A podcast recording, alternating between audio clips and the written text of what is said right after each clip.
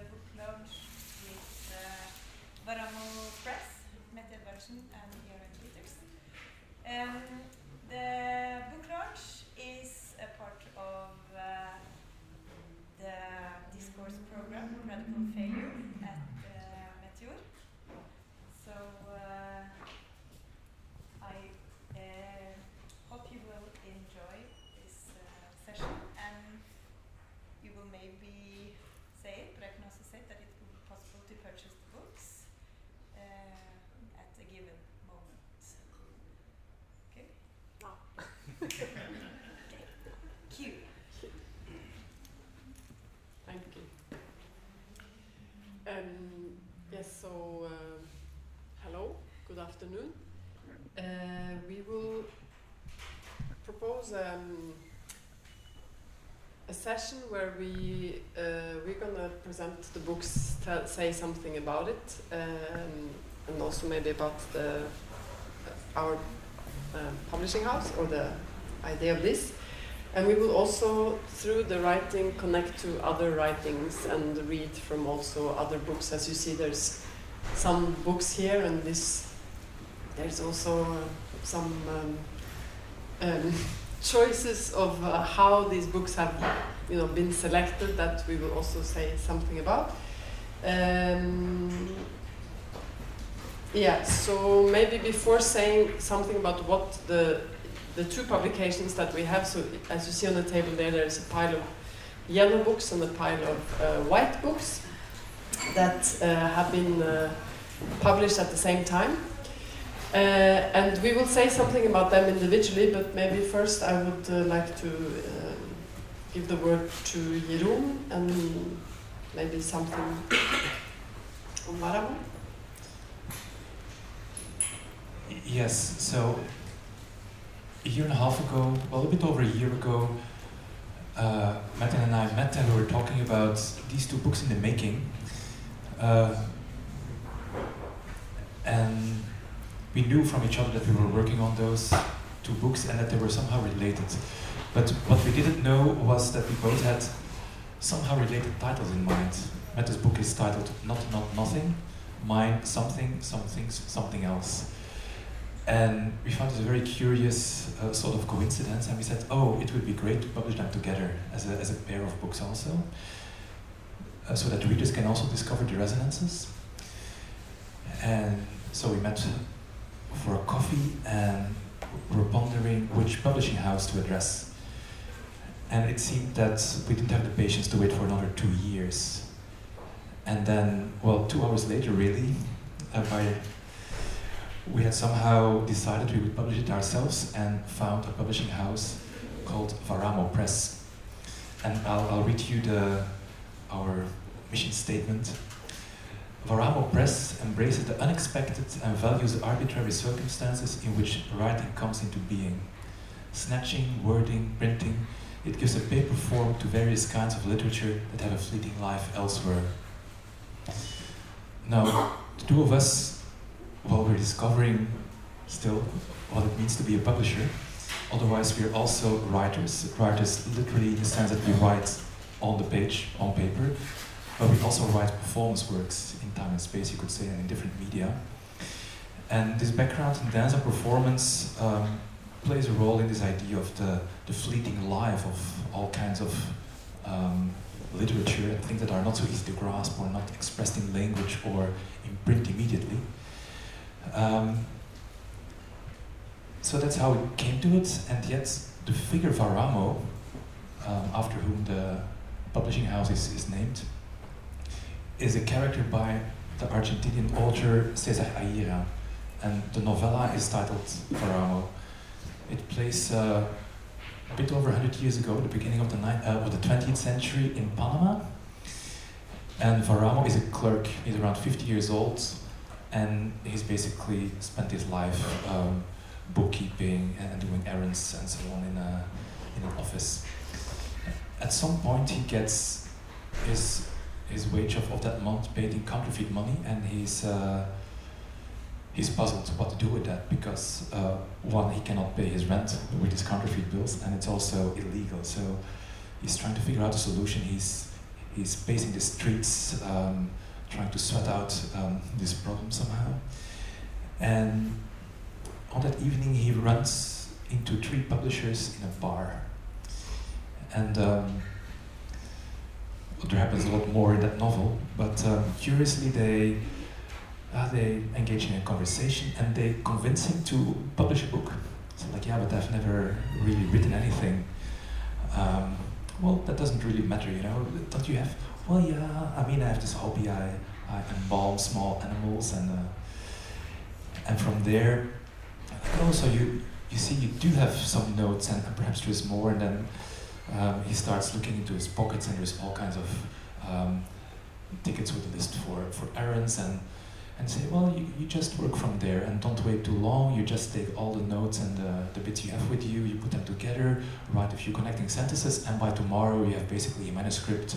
We'll, we'll take care of, of grammar and, and spelling. Don't bother too much with that, just work quickly.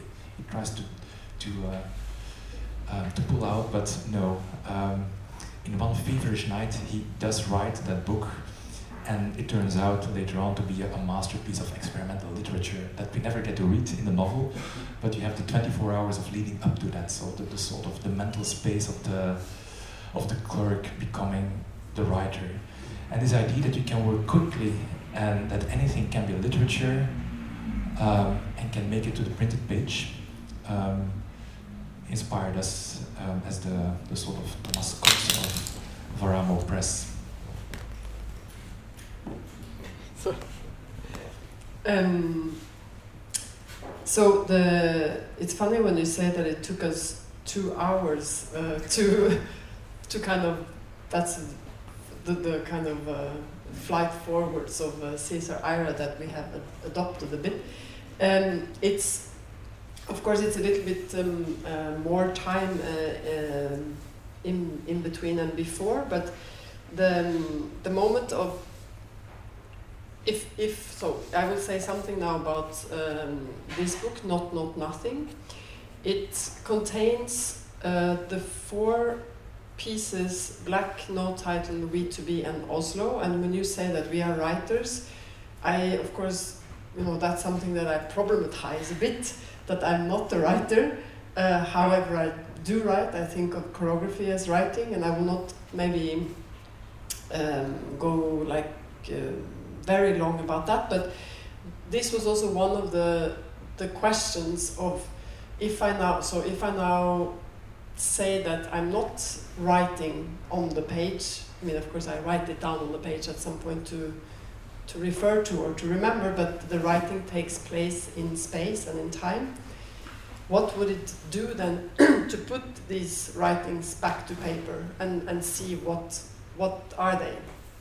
And a little bit the background of making such a publication is also from uh, being uh, um, a fellow researcher at uh, KHiO in Oslo and somehow looking more into the relationship to writing and writing, writing as choreography and, and somehow expanding on this in, in different ways. So it was interesting for me to think, um, yeah, what, what would this show or bring out? I mean, apart from that, you have the text from these four pieces. Um, it's not really a script in the sense that I don't write what other things are going on. I mean, there's not so many other things going on, but what the space is, or my movement in space, or so there's not really um, a script in that sense. It's really the texts as they are. The only one exception is with, uh, well, it's not an exception, but it might look like that. Um, we to be, so the third piece in this uh, publication which was written as a play. so it has stage directions and characters and so on, but that's is actually also part of the text that is being spoken in the piece. So it looks like stage directions, but it was actually part of the text. Um, so it's really uh, I've tried to, uh, for this context, um, bring the texts just as they are, uh, close to the A4 format. It's a little bit smaller than A4, but for me it was clear that it was not a novel size or a pocketbook size format. It's I'm working on pages, and um, and somehow through going the, uh, going through the different um, works, I also see something about how how I'm working with the text um, because this for me is of course uh, a lot of uh, very rhythmical thing or a structure thing, not only um, the what the language tells somehow. There's another element also um, of um, which I wanted to say, which is in relation to um, the visual um, material of the work. So there's these uh, empty uh, frames, which for me is uh, well, they they are empty spaces. All these pieces take place in empty spaces, and it's also been something that's part of it, like as a kind of a funny thing. I could say, yeah, I could have one image.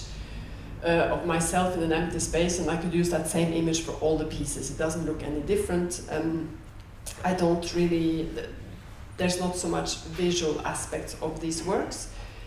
Um, but it, it's also for me more about trying to propose that performance is not primarily a visual art form, it's other senses are being involved, engaged, like the presence of being there, listening, uh, how we are experiencing, uh, and not, not necessarily that because there's nothing to see, you have to close your eyes or turn off the light or something, but, but the, it's not kind of prompted by the visual um, composition. So this was a way to trace that a bit by having um, the, the image or the space of the performance uh, represented by empty um, uh, frames, pages or spaces. Um, yeah, maybe I will, before continuing, maybe I, you can say something about your book. Yes, I can. um, so this book contains three essays that were written parallel to the well three slash four works over the years, so between 2011 and 2018. Um, they do discuss uh, Mette's performance works, but in an oblique manner uh, through her artist publications. Over the years, Mette has been publishing uh, rather, not, not only this book, but rather many books, scores, um, postcards, um, leaflets, and, and, and all manners of uh, ephemera, you would call them, in the margins of her, of her performance works and I was curious to, to sort of consider those as a as a body of work in itself, and and by reading them, address the works and see how. Um, yeah, the publications are a mode of composing the attention, and performances do that in a different way, and how these two are related, and somehow the well, our conversation now also with and through books, uh, literary works, but also then booklets and, and, and other public, uh, publications about performance is somehow the part of the dialogue. That, that's why we bring always that network of, or this library of books that inspire us uh, with us. Um,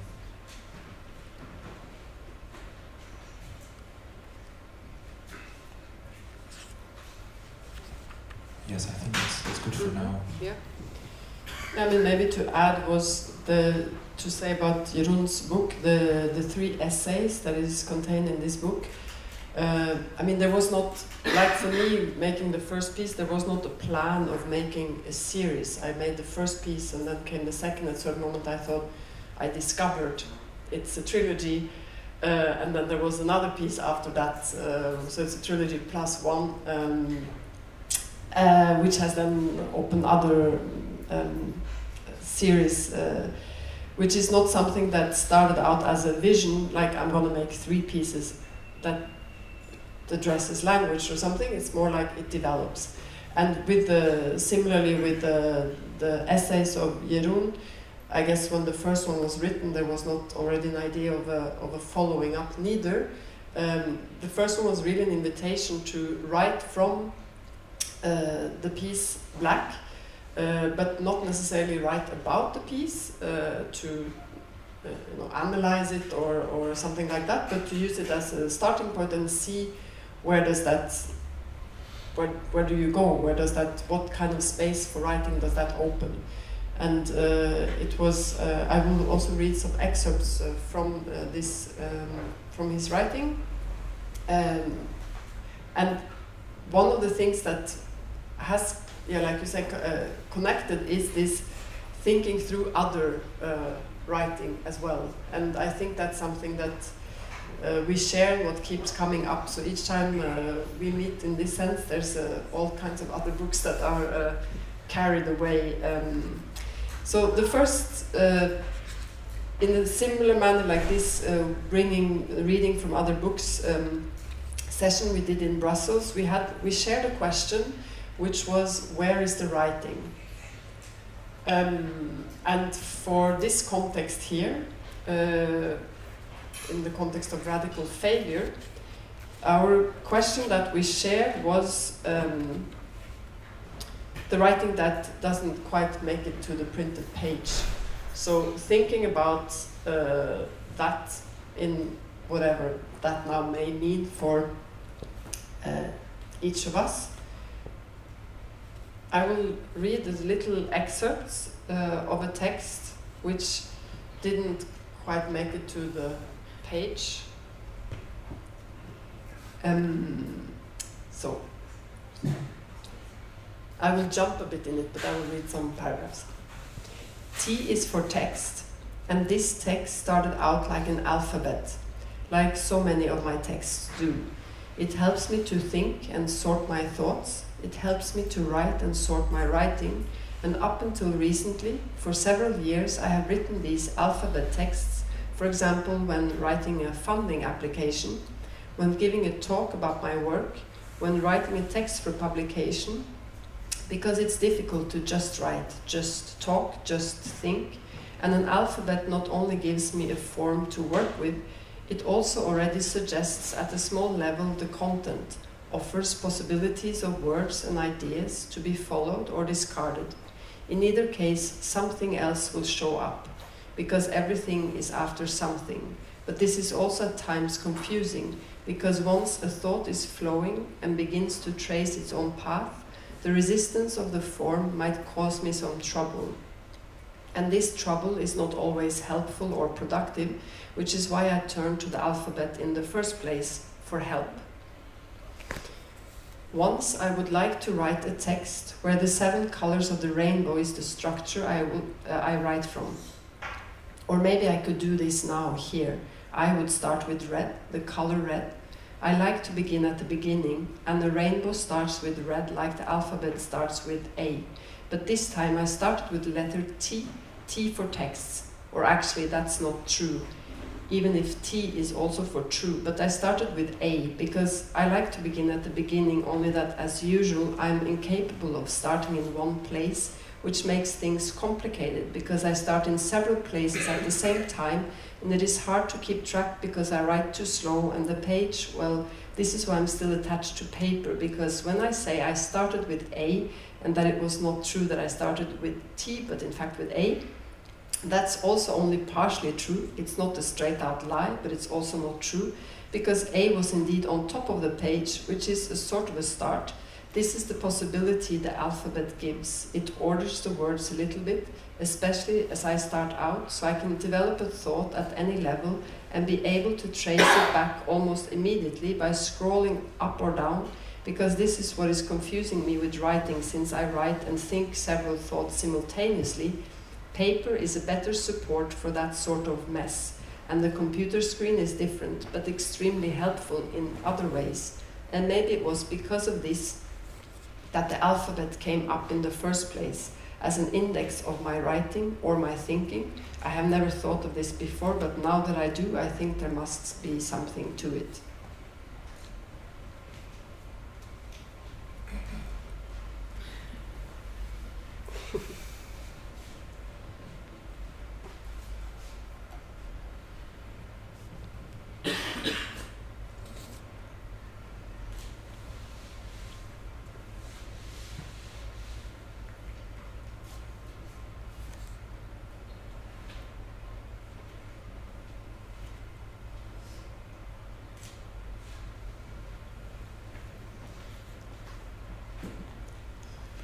I'll read a passage from Black. Um, the stutter of the alphabet somehow. My, my, my, my, my, my, my, my, mind, mind, mind, mind, mind, mind, mind, mind. Words, words, words, words, words, words, words, and things, things, things, things, things, things, things. Change, change, change, change, change, change, change, change. Place, place, place, place, place, place, place, place. Table, table, table, table, table, table, table, table. There, there, there, there, there, there, there. Then here, here, here, here, here, here, here.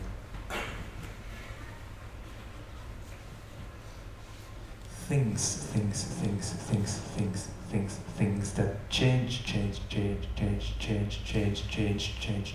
Place, place, place, place, place, place, place. Often, often, often, often, often, often, often. Blur, blur, blur, blur, blur, blur, blur. The shape, shape, shape, shape, shape, shape, shape, shape. Quite, quite, quite, quite, quite, quite, quite distinct, inked, inked, inked, inked, inked. But, but, but, but, but, but, but, obscured, skewered, skewered, skewered, skewered, skewered, skewered by dust, dust, dust, dust, dust, dust, dust, dust, shape, shape, shape, shape, shape, shape, shapes, and thickness, ness, ness, ness, ness, ness of dust, dust, dust, dust, dust, dust, dust.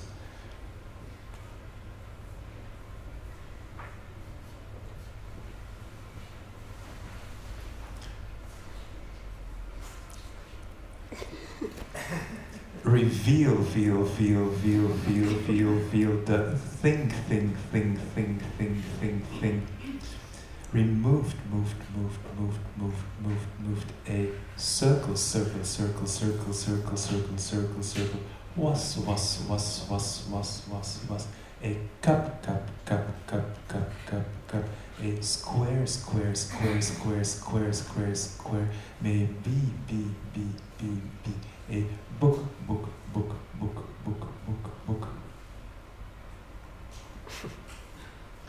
I never know what he's going to read, so it was a bit funny. um,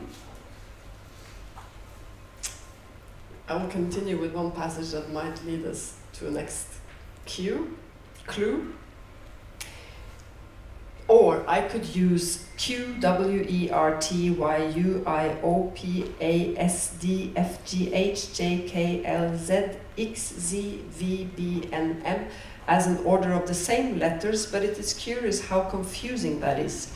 My daughter, when she made the laptop computer in cardboard, all of the letters on the keyboard she had drawn were in alphabetical order, and that was, on the contrary, not confusing at all. The alphabet, this ancient order, if I would use the order of the keyboard, it would be tempting to start with Q for questions, which would be A for answers on the French keyboard, and N with M for memory, or N for new, but it could as well have been B for books or for blindness. Like with the rainbow, I could also have started with yellow, the only color that appears in the piece black except for black, and after relating to mainly nouns and verbs, some simple actions and objects, a color, yellow, seems to be another dimension. It is also a word and it starts with Y, the color, and in theaters there are rules which are based on superstitions which is yet another way to organize.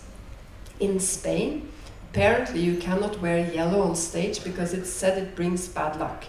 In Italy, it's the color purple, but I was always told it was green, and I did wear green once in a piece, green shoes, but nothing happened. And when performing the piece in a theatre in Paris, I was told that on stage one should never say the word which means rope, that the word has been replaced by gand, which is even believed to be fatal. Similarly, in Norway in the old days, one would say gråbein instead of ulv, which means wolf, by fear that pronouncing the word would make it appear. And I think this is why, still today in Norway, old people whisper words like punk, gay, prostitute, because of the fear of the power of words, a bit like walking under a ladder. I don't believe in this power of words, of colors, of object, but I don't walk under ladders in the theater or in the street, certainly not in the street.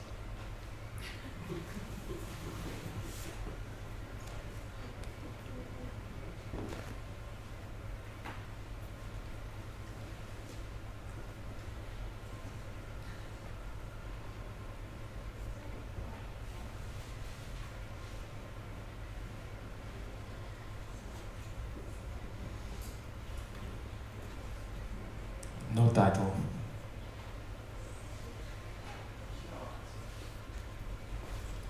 The lines of descent from one generation to the next, tracing all the way back to the Vikings around year 900 or 900, or perhaps a little bit later than that, are gone. Family trees, gone. Timelines, gone. Plot lines too. Waiting in lines that are gone. Lines turning into threads, then into traces, are gone. The lines on my face are gone. The lines on my sweater are gone. Going straight to the point, like a hill we climb that no longer looks like a hill once we have reached the top.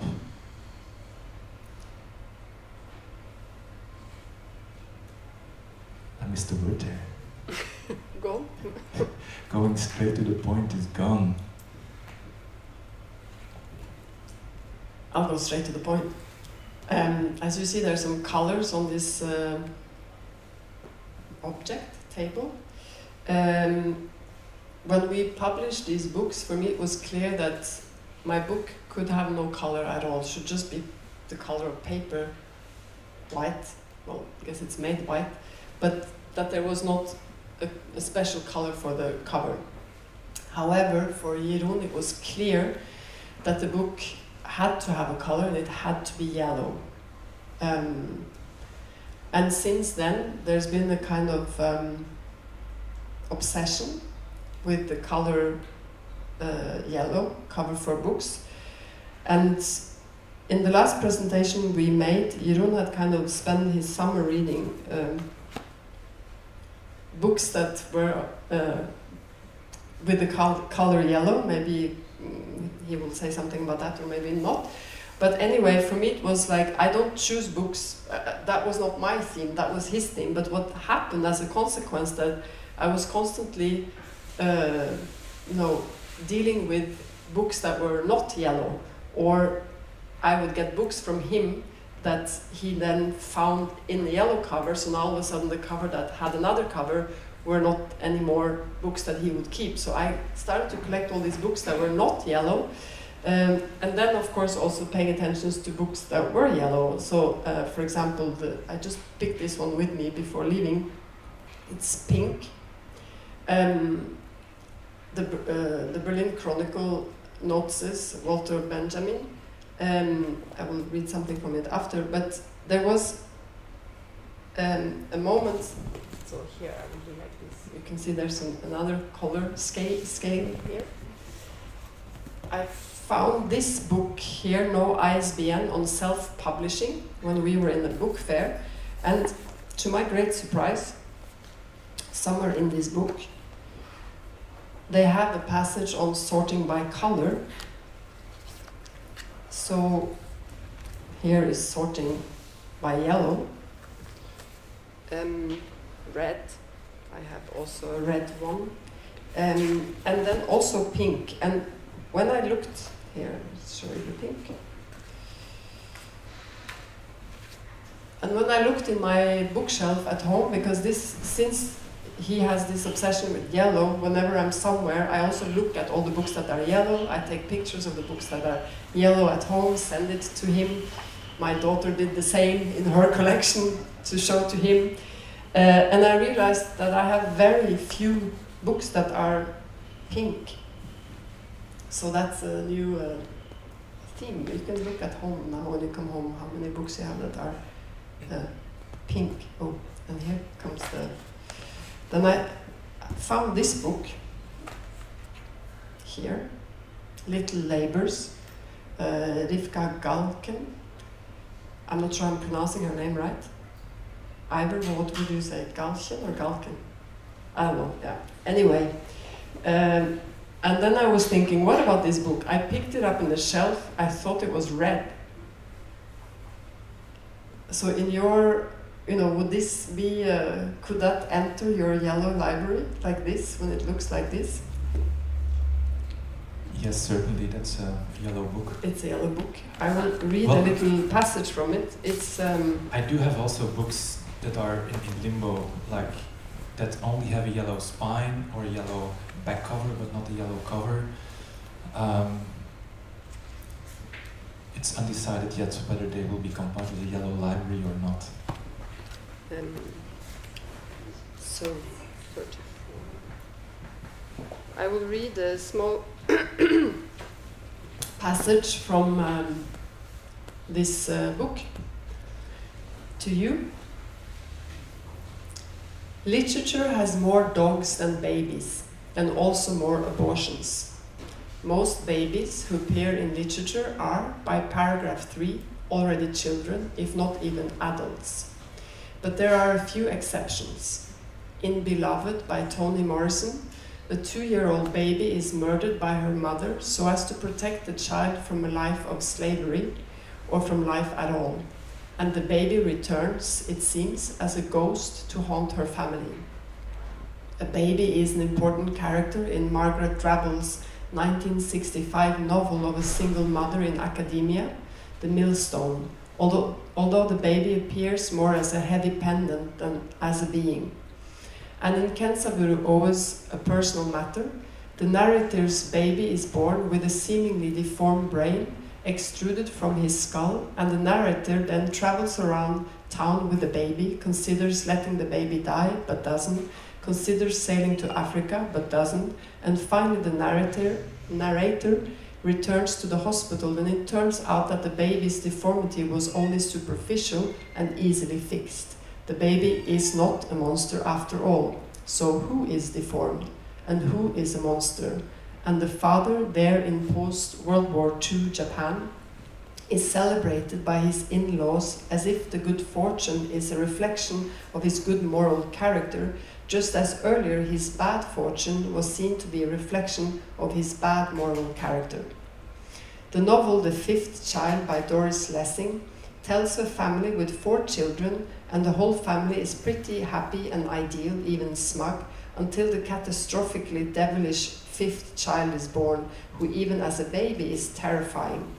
Although one begins to notice that nobody other than his family seems to find the fifth child so difficult or strange, and really the child seems simply not loved, and his only real fault as he grows up seems to be that he is more at ease in a class lower than that of the posh family who can no longer really afford the fantasy of the great house they inhabit.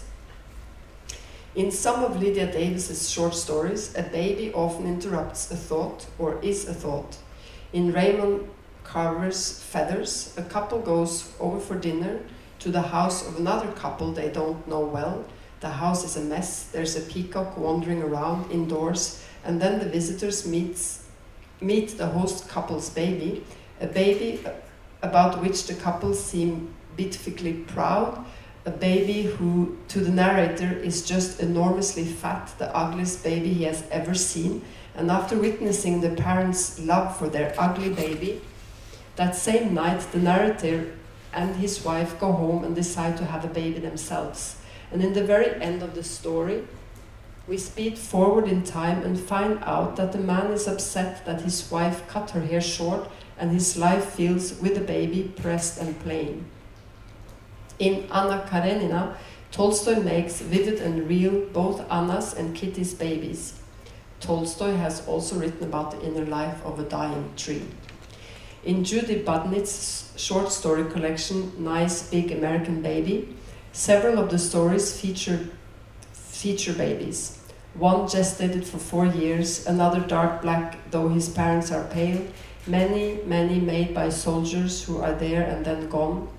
Maybe the most fully realized baby I have ever read appears in Lorrie Moore's story, People Like That Are Only People Here, in which the baby is baby and the father is husband and the mother is mother and the oncologist is oncologist.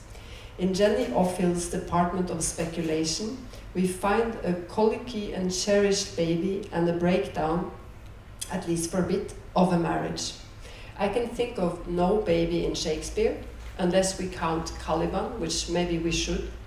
One might say that most babies in literature, when they appear for more than a moment, tend to be catalysts of decay or despair, as surely babies now and again in real life actually are, though literature is always only a convex looking glass and not even a regularly convex one, more like an especially old and unshined spoon, and definitely a silver one.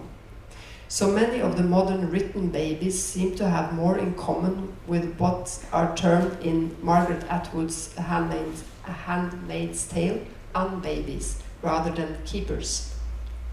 In their monstrous burdensomeness, these babies resemble my very favorite of all depicted babies, that 19th century creature denied even the luxury of, on, of an infancy, that poor solitary wretch who on the first day of his life was already over six feet tall, and about whom his creator said, as if in repentance, the world was to me a secret which I desired to divine.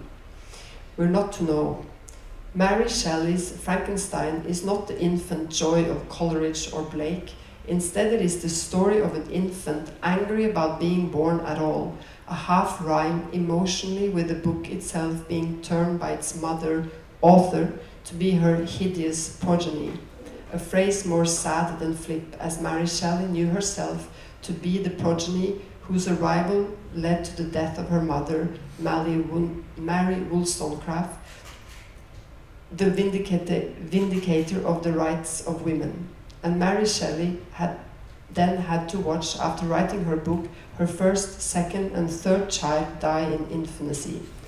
But I seem to be wandering into an appraisal of babies so underrepresented, as in need of their own subaltern studies, then I have wandered too far. We know babies are the only ones among us in alliance with time. They are the only incontestable accessor to power, or at least they are immeasurably more well placed than their elder co unequals.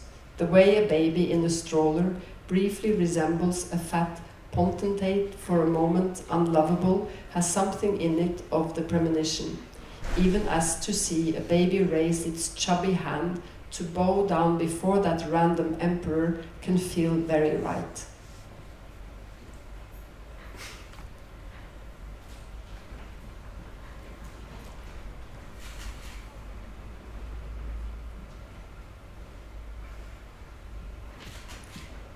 Puzzling the baby. yes, the, the question is like how to travel from here. We don't have a score in advance. Yesterday I was reading a, a short story collection by Miranda July, No One Belongs Here More Than You, which came out at the time with Scribner in four different colors covers a yellow one, a pink one, an orange one, and a green one.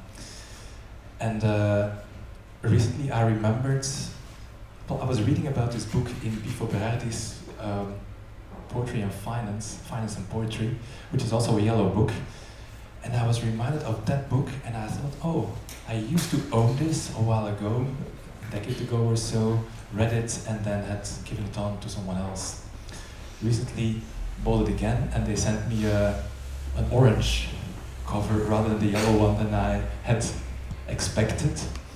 So it didn't make it here, but it's it ends with a story about a baby funnily. So, um, but I'm not gonna go there now. But then the other place would be the, like life forms and beings um, in touch with time. Could be a theme, and also Lydia Davis came up, and I, would like to read a very short bit of Lydia Davis. This is uh, the end of the story. um, a passage I was reminded of yesterday during Mette's performance, Penelope Sleeps. Before the meadow was plowed over in preparation for building the townhouses, I began learning to identify the wildflowers that grew there, then the wild grasses. I had never thought of identifying kinds of grass before. Now I realize that I should be able to identify spiders too, by their appearance, the forms of their webs, their habits, and where they choose to live, so that I can name them instead of calling them big spider, little spider, little tan spider, etc. At times I have the feeling someone else is working on this with me.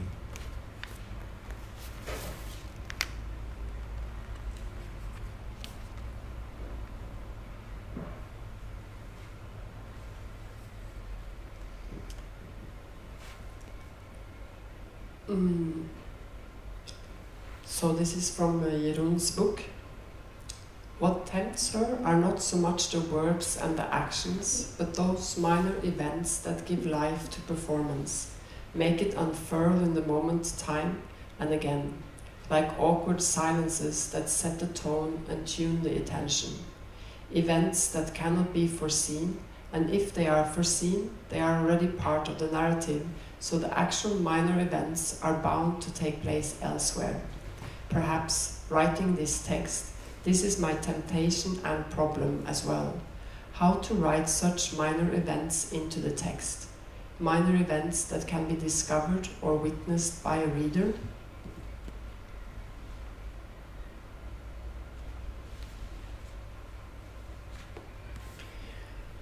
Daily routines are part of my workspace reading the newspaper, for instance, not so much to keep track of what's going on in the world, but to find a lead that gets my mind going, supports me in unwitting myself so that eventually I might catch myself at my desk in the act of writing. This morning, before the anagram generator came to my aid, I read and clipped an article in which a writer describes his workspace in detail to end his tour with a remark on the central activity, which I dearly embraced as encouraging advice. Wasting time, perhaps, fiddling about and getting nowhere. But what else did you think writers do all day? Right?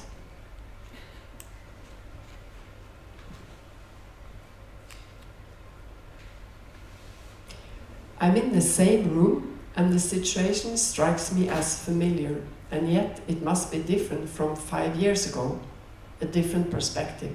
The bookshelves have expanded, the accumulation of books must have been slowly encroaching upon my breathing space. The plant next to it must have grown as well, and it will continue to do so, as four fresh sprouts indicate. There is the red carpet with a thin layer of dust on top and some stories swept under. I look out of the window and am stunned by the amount of dirt caked on the pane. It scintillates in the spring sunlight and blurs the view. Sometimes, like today, there is a clothes rack behind me. As the laundry dries, the room will gradually turn damp without my noticing it. My private collection of postcards and images on the mantelpiece gets rearranged all the time, so it must be different as well. There are images of objects and windows, of a Moroccan rug and a plant. The latter shows a Zamioculcas zamiifolia, this is the name of a plant, just like the plant next to my bookshelves, even though it has long lost its label and outgrown its name. I remember clicking, clipping that photograph from a magazine a while ago as it could have been a portrait of the plant in my room.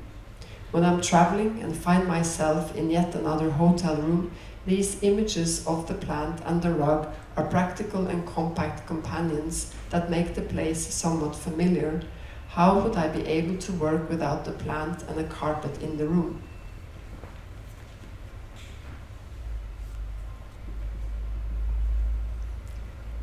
Yeah, speaking about rituals, um, on the way over here, I passed by a bookstore and ended up buying a small yellow book which I haven't read yet by Claire Pentecost about seeds and soil and how they uh, provide a place of ecological knowledge and, um, and of, of commoning within culture over uh, long periods of time.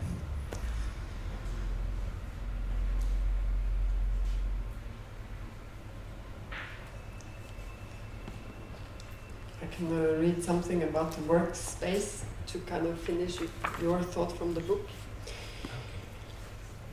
This is in um, I'm Sitting in a Room by Brian Dillon.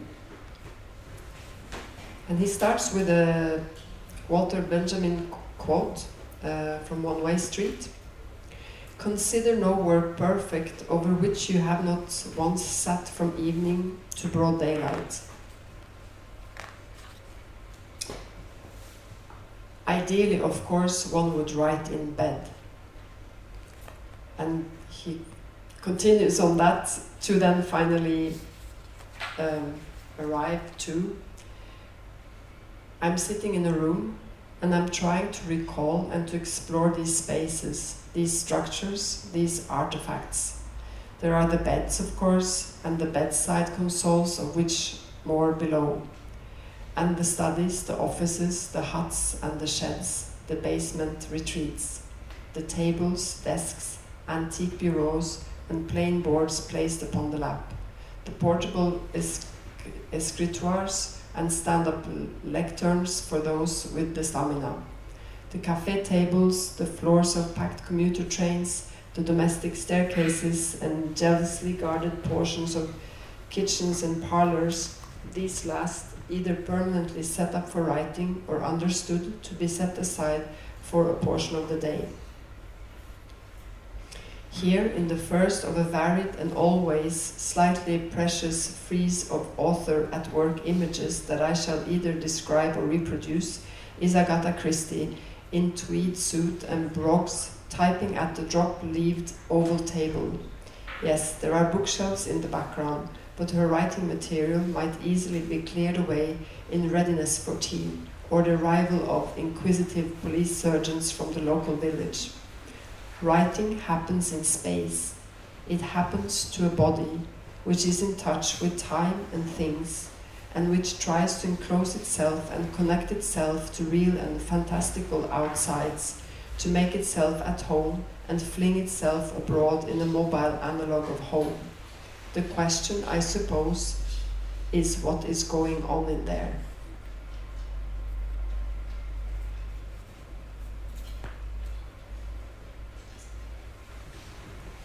connect the workspace of the writer and, and go back to the to the baby or the unbaby. Um, I'd like to read a, small passage from a, a book by Anne Serre, a French writer, Le Mat, The Fool. It's actually um, just published in English as well. Um, this is a sort of metafictional essay slash fable about the writer and, and uh, the process of writing, as well as an homage to Robert Walser, the Swiss writer. And in, in this passage, she um, invokes the, the Robert Walser of the robber and, and how um, writers make use of um, the material they find in daily life, such as also the lives of their friends and, and colleagues. There comes a moment, in the beginning it's not at all like this, where life and literature start to intertwine so tightly that it's a little bit as if you would possess magic powers and make that what's happening in your books appear in your existence. That man you loved suddenly becomes a man of your book. Even him you have ended up including. When you are a bit frightened, like I often am, you try to detach yourself from it. No, no, I'm not going to mingle him into the landscape. You would beg, I don't know whom. Him, I would like to keep him in my life. I want him to remain there during those bizarre and, for myself, fascinating constructions. No, he ends up in the book. And the worst is that he wants it. If he has loved you, it's because he was already in there, or because he had the mad desire to end up in there. Would you really like to be in my book? Yes, sure, he replies, with his entire body and all his feelings. He wants it, not to be featured, but to participate in it, and live that very life. There is no interest in remaining on the outside. Sometimes I wonder what mother has made such a son, and what father. And the next paragraph, she goes to, uh, well, she, Anne Serre, or the narrator, to her own workspace in a sense, when she's visiting a colleague from the literature department at university. While we were talking very intensely, like we always do together, I watched also very intensely his apartment, where I'd never been before. And it wasn't so much with my eyes turned toward my interlocutor that I did this, but with my back, my limbs, my neck. He knew it. In two hours, I absorbed all his books, the power of all the books assembled in his home, but also the objects chosen with care, and all or nearly all of them related to his childhood. I absorbed the two pines with enormous trunks in front of his balcony, the naked park, the absent squirrel, his remote past in that apartment, his nearby past. What is the friend that allows you to do all this other than the one who is already in your book?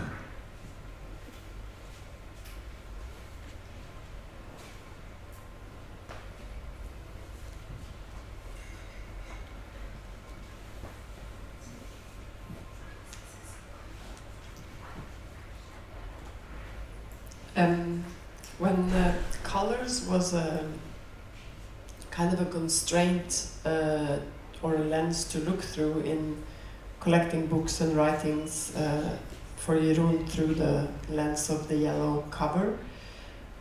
Colors had been something that appeared in, um, well, like I said, the colors of the rainbow, but also uh, in as content in um, some of uh, my texts and in uh, Penelope, the, um, there's colors appearing there. I was collecting uh, different, not on the covers of the book, but from the writing about different colors. And I came to discover through a friend um, that told me about the research uh, that someone had done reading uh, the Odyssey of Homer, where there's a lot of colors that appear but not the color blue, never.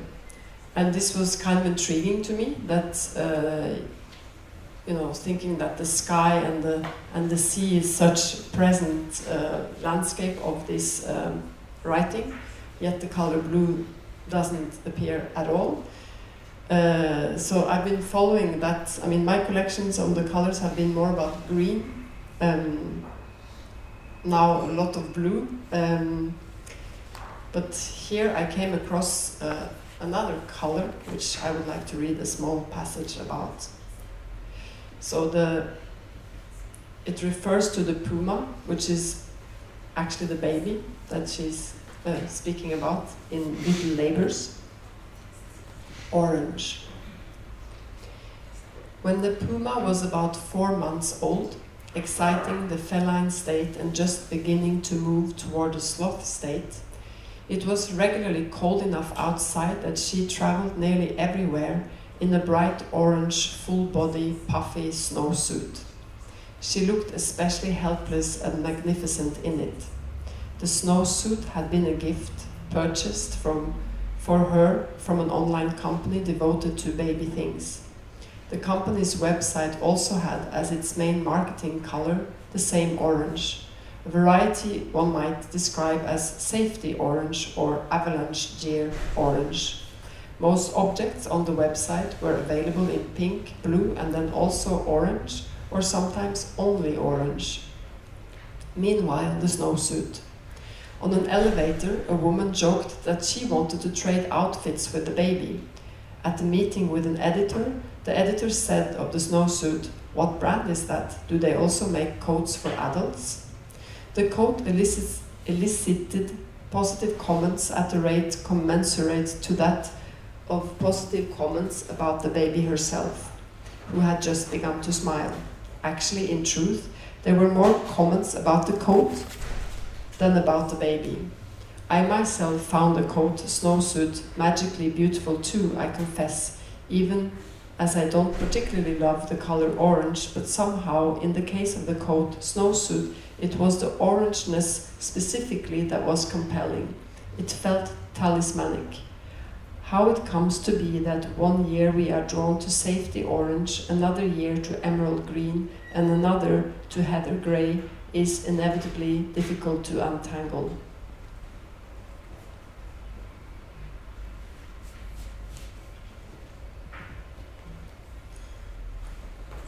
I also wanted to read a passage about colors in relation to Mette Edvardsen's work. Every now and then, um, as far as I could gather from my research, the one and only piece of hers that failed to make it to Bergen. So I like the idea that to evoke it here and evoke it here through, uh, through words. The white book came in a small brown paper bag, and I had to carry it home after Mette Edvardsen's performance every now and then. Along with the book, I have kept the bag, a real copy of the paper bags that also appear in three sizes small, large, extra large in photographs in the book. Opening the book, the white cover turns into a double black page. A black piece of paper twinned with a photograph of a black floor and curtain remis- reminiscent of a black box theater. Am I a reader or a spectator or both? Meeting two protagonists standing, looking, walking, I follow them on a walk, not so much into but through the book, from left to right, from cover to cover. The book contains photographs only, sometimes an empty or colored page, no written words, save for the title on the spine, every now and then. Even when the protagonists bring in a microphone, the book remains curiously silent. Turning the pages, I remember the noise of a large group of spectators with his book in their laps, flipping through the pages, duly following the performances unfolding, setting about their own mental voyages upon the deviation of photographed and enacted scenes, quickly paging ahead, looking for coincidence, slowing down again when taken by surprise, or when the performance on stage claimed attention. The sound of a hundred or so people flicking the pages was an auditory trace of everyone composing their own experience, jumping between the offered markers of attention, all the while observing their decisions, a noisy flurry in itself, stirring one's imagination in the shared space provided by the theatre. Now I am alone with the book, struck by the silence of the microphone, the empty page at its base, and the objects sitting around. All of this in contrast with the subtle sounds of my flick upon flick. A chair, a plant, an apple, a water bottle, a notebook, a cup. As traces of earlier performances, all these objects, as well as the actions they afford and the memories they carry, are swept under the carpet, muffled by the space, swallowed by the black page. They yield to a white page, to new objects, colored shirts and colored pages. White, grey, red, green, yellow, blue.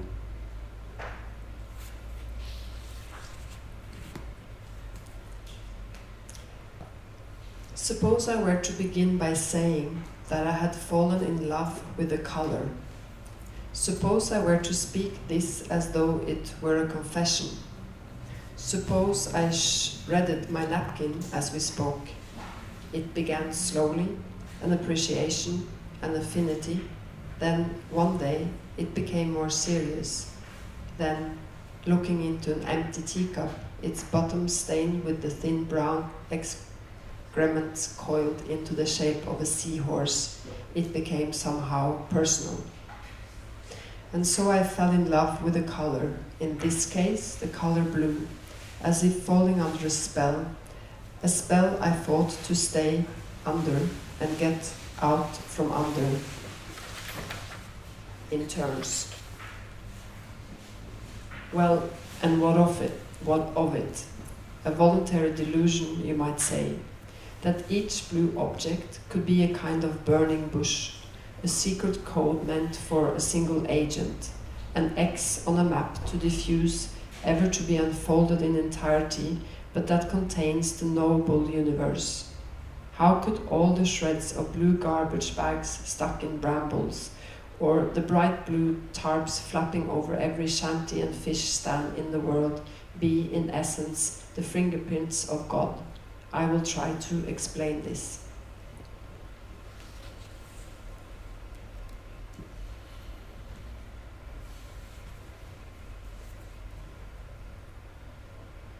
Mette's piece Oslo comes with a, or travels with an image, of a, a, stone, a picture of a stone that is printed on the website or in the in the brochures and so on. That um, supposedly has nothing to do at all with the piece. And seeing the work several times, I like this idea that there is a sort of uh, an image and, and a stone, something that has weight and that uh, seems to be curiously silent in some respect, that that sits at the, at the borders of that work. And um, that inspired the third essay in, in, the book about all the things that we forget or that we leave behind um, when we enter the theater. And um, the stone of the picture was taken somewhere in the landscape in, in Norway. And when I came here by train a few days ago, um, I did see very many similar stones um, from the train. Um, large boulders covered in lichen. Um, these greenish and sometimes reddish uh, life forms. And um, in my collection of yellow books, I came across uh, several texts, but specifically this one about the lichen. It's in um, a collection by Hans Magnus Enzensberger, Blindenschrift, so the writing of the blind. Um, it's not translated into English, and so in my summer of reading yellow books, I also curiously found myself translating um, bits and pieces of text from Dutch, French, and uh, and German into English, which was a very peculiar process for me. Um, trying to understand uh, the thinking, the rhythm, the idiom, the sound of words of authors, and um, well, being an amateur translator translating Enzensberger feels a bit weird, but um, in this context of radical failure, I um, I hope you bear with me and I'll, I'll read um, this poem that is titled Flechtenkunde, Lichenology. That the stone stalk should occur, but the lichen. The lichen describes itself, writes itself in, writes in encoded script a verbose silence. Graphis scripta. It is of the earth, slowest telegram, a telegram that never arrives, Everywhere it's already there.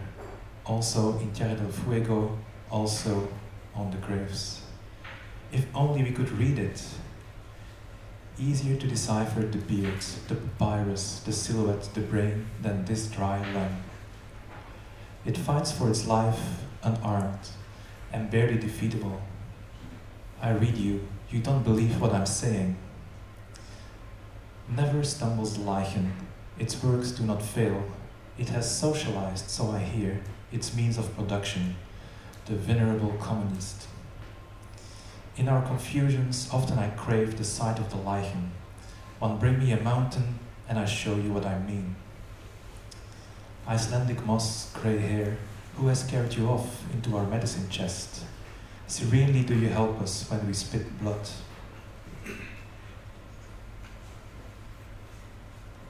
What does he want, you say, with his lichen? Hunger moss he should eat. We don't have time. But the lichen, the lichen has time. This millennial over there at your feet, trodden by Barbarossa's shoe, yet it did notice his. Not from the uncouth combats of the horseman is the dye moss red, yet it was there. Unbloody lung, rust red, saffron, coral, orange, Peugeot, Scarlet, or all this on grey ground, on the grey ground of Svalbard. Our truths are not that lasting. The lichen blankets the dead wood, the idols, the gravel, the lava, outlasts churches and wrecks, the reindeer moss, nearly white but not quite. I don't know whether the rock resists the lichen. It doesn't burst it, it populates it, makes it habitable. As it was with us, it was nothing. As it is with us, it is nothing. That goes without saying. As it will be with us, it will be excellent without any doubt. But you do not believe what I'm saying. Have you still not deciphered your brain, your beard? Oh yes, the lichen. Nearly would we have forgotten it. Lichen of light, sun, moss, be with us, major memory. Of mana we all dream, but who has made the mana? Only few know this. It was the lichen. I said, excellent. For the time being, withal, we are not so far as the lichen. That goes without saying. I don't know what mana tastes like, but it will be excellent, without any doubt.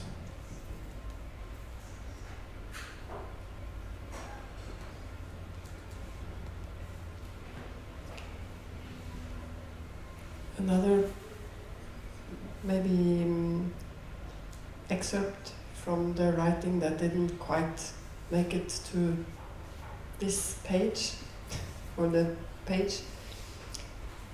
A is for alphabet and is old, not old like mountains and the rainbow, but old like writing. And until recently, I have used, as I said, the alphabet when writing, and then A, J, and R, each of them at different moments, brought me to an alphabet I had known about but never read. And now, whenever I start to write a new alphabet, it is not without knowing that the apricot trees exist. A is for apricot trees. A is for art, naturally, and as in English, the A has been empathically added to the beginning of the word aesthetics, however not pronounced, it is a subtle reminder of the closeness between the two.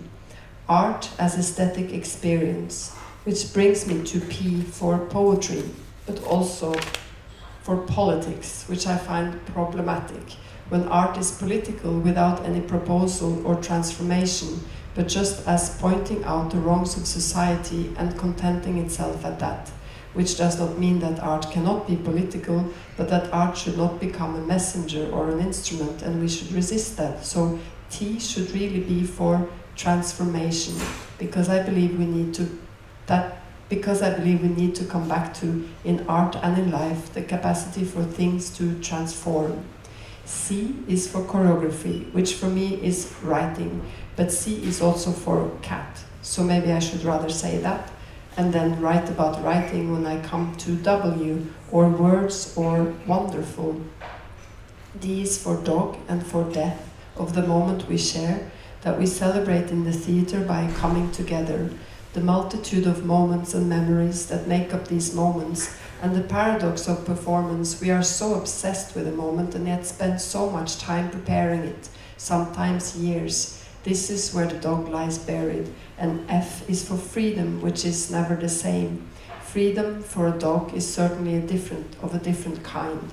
G is for gap and for gold, because gold when melted is still gold, and this reminds me that transformation must mean something else, which brings me to I for imitation and for imagination, and where would we be without those?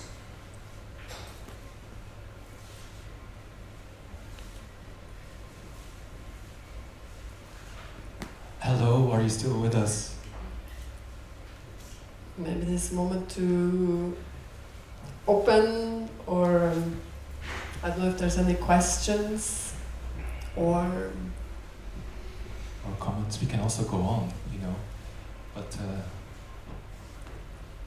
Did you say why you, uh, in the first place, started collecting books of yellow cover?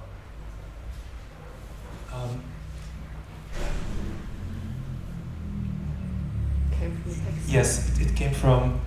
Um, I, I'm still wondering what the first yellow book was. Um, I knew that this book had to be yellow and this size, and it's um, it's after a yellow book that is discussed discussed here. I, I pick up the book with the yellow cover, Philosopher Peter Sloterdijk, zur Welt kommen, zur Sprache kommen, coming into the world, coming into language. And this is a series of lectures about um, literature that inspired me a great deal. And since it's the first color that comes up in this book, I thought, okay, it, it should be the same kind of size of book and, and the same yellow, more or less. Um, but then earlier this this spring, um, Deborah Levy's um, the, the second volume of her memoirs came up, but I forgot now the title. I didn't bring it. I left it at the hotel.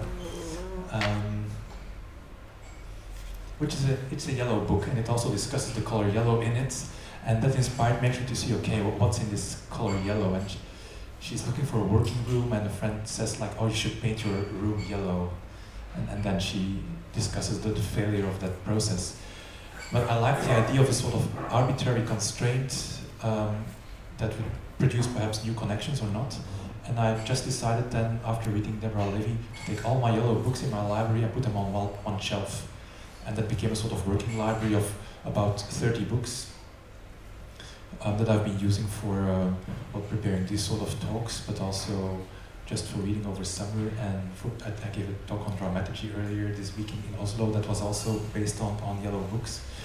And indeed, now it's a bit like Mette said in the beginning, wherever I come, um, I have a look at the yellow books, whether they could become part of that collection or not. So I like the idea of, of going hunting a bit in second-hand stores and have like lucky finds or, or books that might become part of that collection. Obviously, not every yellow book that I come across is, is part of that. So it, it seems to become a sort of curated library about literature, very much. Um, but then, yeah, when I found this book of Claire Pentecost earlier today, which is about seeds and gardens and soil, I thought, oh, this makes sense to me um, as well because it would connect um, several shelves in my library and interests and could open again another door of a, or a reading pattern. But it's basically a sort of arbitrary constraint that uh, that I now embrace for as long as it's is productive for me, really.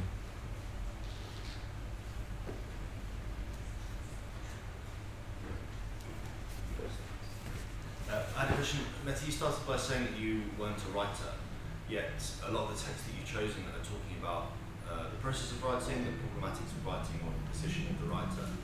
Then uh, a lot of your performances, like writing text, are a very key um, part of it. So I'm wondering about why you're positioning yourself now, or maybe in a broader context of not being a writer, and kind of like what type of problematics of that that you seem to be working through. Yeah. Um, I think, well, the fact that I was reading these texts on writing uh, is also for this context, but I think writing in the larger sense, I mean, of creating, whether, whether your form is to print it on the page or to make a, a, a piece on the stage, it's, it's that kind of process. Um, but when I say I'm not a writer, uh, it's, it's something it's more to say that I'm interested in writing in the, within the context of where I make work. So it's not that now starting to work, uh, well, when I started to work with language, that it was kind of moving away from my practice and that I was kind of with ambitions to make work uh, in another field. So it was more to say, no, I'm bringing uh, this into my practice and see what you know what does that do to to my way of, of working? So when language came in there was I had been make I had been making pieces with objects quite a lot and um, and manipulating them and kind of composing with uh, objects in space. Uh, I mean I think maybe time is the subject that I've been working on since, since I started but then what what are the materials that I, I use? And the moment that I ask myself the question well what if what about the object? What if there's nothing there? And I just started with nothing in an empty space. Then language kind of came in. So that was a, a new formulation where it's really working with language as material in a similar way. So you could say the pieces before or after the, the spoken language or written language in my pieces is maybe not so different. Of course, it opens another capacity, but it's really yeah made to take place in space in the first place, not so much the feedback of the page or or in the you know production literature as as, as such. So in that sense, I think not the writer to just uh, situate it uh, more like where does it want to go? What what is the you know yeah. But you could say in technical terms, yes, I'm also writing them. I mean, it's sentences that are together on the page, and, and but they are in the first place in the space uh, with an audience present. So it's more in that way. Was that an answer? Yeah.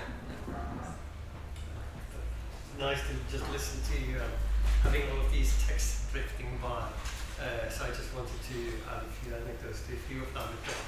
Think, you know, I mean, knowing all of these research fellows that have been at KHiO, it's interesting how there always are new relationships coming through here. And I think two things I was thinking of now is, in terms of this, you know, where is writing, uh, is, is what Anna Thun Knudsen has been working on, has been exploring um, the process of you know, typewriting as also creative process and where writing is happening. I think you know, she, I think she's somehow postulating that uh, Virginia Woolf, when she was writing Mark on the Wall, you know, she, she was doing this while she was she was writing by typesetting, um, and kind of like that, that invites very different ways of reading it. And this, for her, ended up in this beautiful installation at Christmas you said in January at the, during the research week. And then afterwards, all these papers that she was making for it, she's made this into this humongous book. You know, that's just a, you know, a beautiful uh, object also of, of, a different kind of writing. And then also when you're mentioning um, that the color blue is never used, the word blue is never used in the in the in the Odyssey. Um, Lotte Jonstien also has been writing some really interesting text on how terminology develops and kind of a relationship between being able to have words for something and being able to see it at all. And, and just like at one point you say that, there was someone doing research on languages and how words for colors are developing. And then like, know, the first ones are like dark and bright at first. And blue and green are sort of like the last colors to emerge. Mm-hmm. So it makes me curious, you know, whether this word blue actually existed at the time when the Odyssey uh, evolved. Yeah, I mean, the, there's in that research I've been also reading about this. It's uh, also interesting to discover uh, what, what are the different theories and the development of the different theories. Like one of the first researchers then went through the whole Odyssey to kind of count how many times was this color used, this color used, and also how some colors are used, you know, that uh, sheep, for example, are described as purple, which is kind of also unusual. Uh, but so the whole kind of range of that, but never uh, blue. And the, the first research then concluded that Homer was probably colorblind. And then he went on, you know, reading the other Greeks and, and somehow concluded at some point that maybe all the Greeks were colorblind. Uh, and then somehow it, it, it unfolds. It's kind of uh, an amusing uh, uh, research, but then also exactly on language and and when do we need uh, you know why is in nature what things are blue you think of blue flowers but they are blue because we have made them blue they were not blue originally but surely the sky and the sea and so how but that's of course also it's not things that are objects that we have around us and and also about pigment then how uh, you know, blue is also the most difficult color to make. So that was another theory that red, of course, comes very easily. It's one of the colors that's most easy to make. Uh, so it's it's quite interesting to see how how that is and how yeah when when does language uh, you know form and um, yeah. And I also think that blue is not used in the no, apparently, yeah, that's also true. It's not used in the Old Testament. I don't know if also it's uh, um, you know M and M's in uh, growing up in Norway in the seventies. M and M's were just brown; they didn't have any color, so it was very exciting to get the American M and M's that had all kinds of color. But in Norway, you couldn't buy it with the blue because it was apparently uh, you know more unhealthy. Now they are there. Maybe they're still as unhealthy, but. The same as Smarties in the UK. Well. They did the blue on that. Yeah. but we didn't have blue M&Ms in America. No. No, not. Uh, there was a point where they decided that it was okay. They could mix the blue color to make it safe to eat. Yeah. Sometime in my like teenage years or something. Yeah. So as a child, there was no blue M&Ms. Yeah. It was a big thing. Now we have blue M&Ms too. Yeah. and now it's the whole range of the color. Uh, yeah. Anyway, okay. Thank you.